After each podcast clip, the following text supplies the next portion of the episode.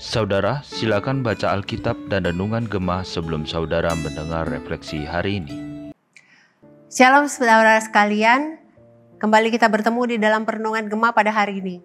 Hari ini kita akan membahas mengenai kemurahan Allah terambil dari Imamat pasalnya yang ke-27.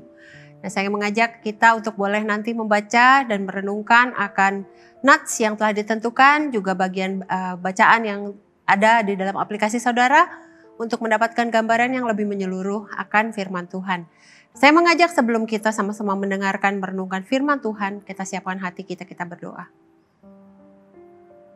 Tuhan kami mengucap syukur kalau Tuhan izinkan kami hari ini untuk kembali datang di hadapan-Mu, untuk boleh belajar firman-Mu, mendekat padamu. Ya berdoa biarlah Tuhan yang boleh singkapkan segala yang terselubung. Kami boleh mengerti memahami dan boleh melakukan firman Tuhan sesuai dengan apa yang Tuhan sudah ajarkan bagi kami. Kami serahkan biarlah Tuhan yang pimpin kami. Dalam nama Yesus Kristus kami berdoa dan bersyukur. Amin. Nah saudara saya akan membacakan uh, beberapa ayat untuk saudara dari bilangan yang pasal 27 tadi ayat 1 sampai 8 demikian.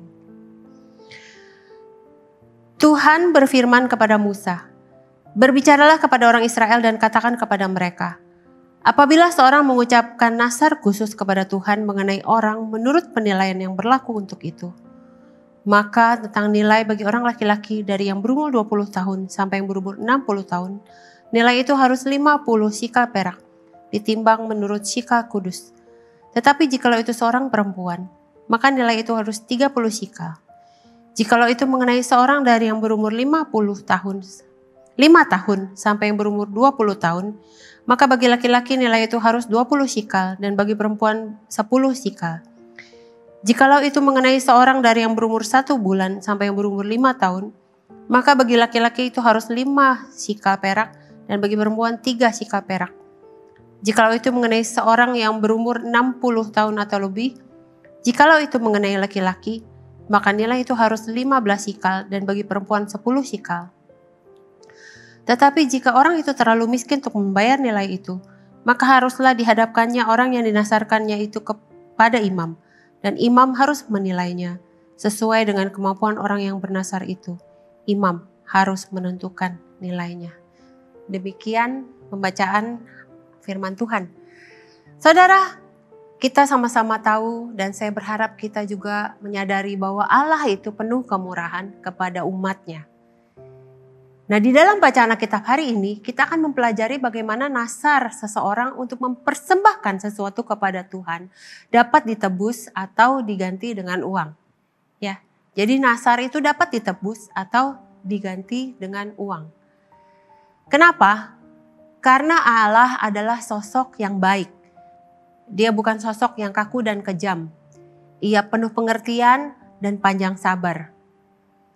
Nah, di saat seseorang berjanji atau bernasar untuk mempersembahkan sesuatu kepada Allah, ia harus menempati nasarnya. Ya, nasar itu harus ditepatinya. Nasar itu sebenarnya memang bersifat bersifat sukarela dan tidak terikat kepada hukum.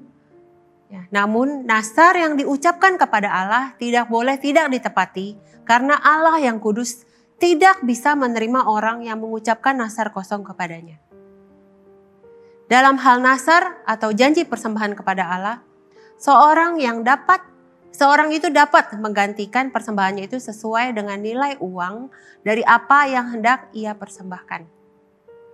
Misalnya, misalnya, ya seseorang bernasar untuk mempersembahkan anaknya kepada Allah.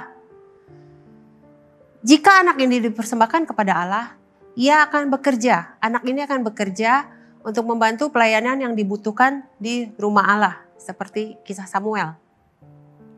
Nah, jika setelah menimbang orang tuanya memutuskan untuk tidak mempersembahkan anak itu, maka mereka harus menebus anak itu dengan uang yang ditetapkan bagi nilai anak itu di ayat yang ketujuh.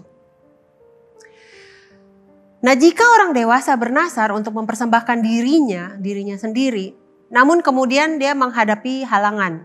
Ya, misalnya anak-anaknya masih kecil yang harus dirawat olehnya.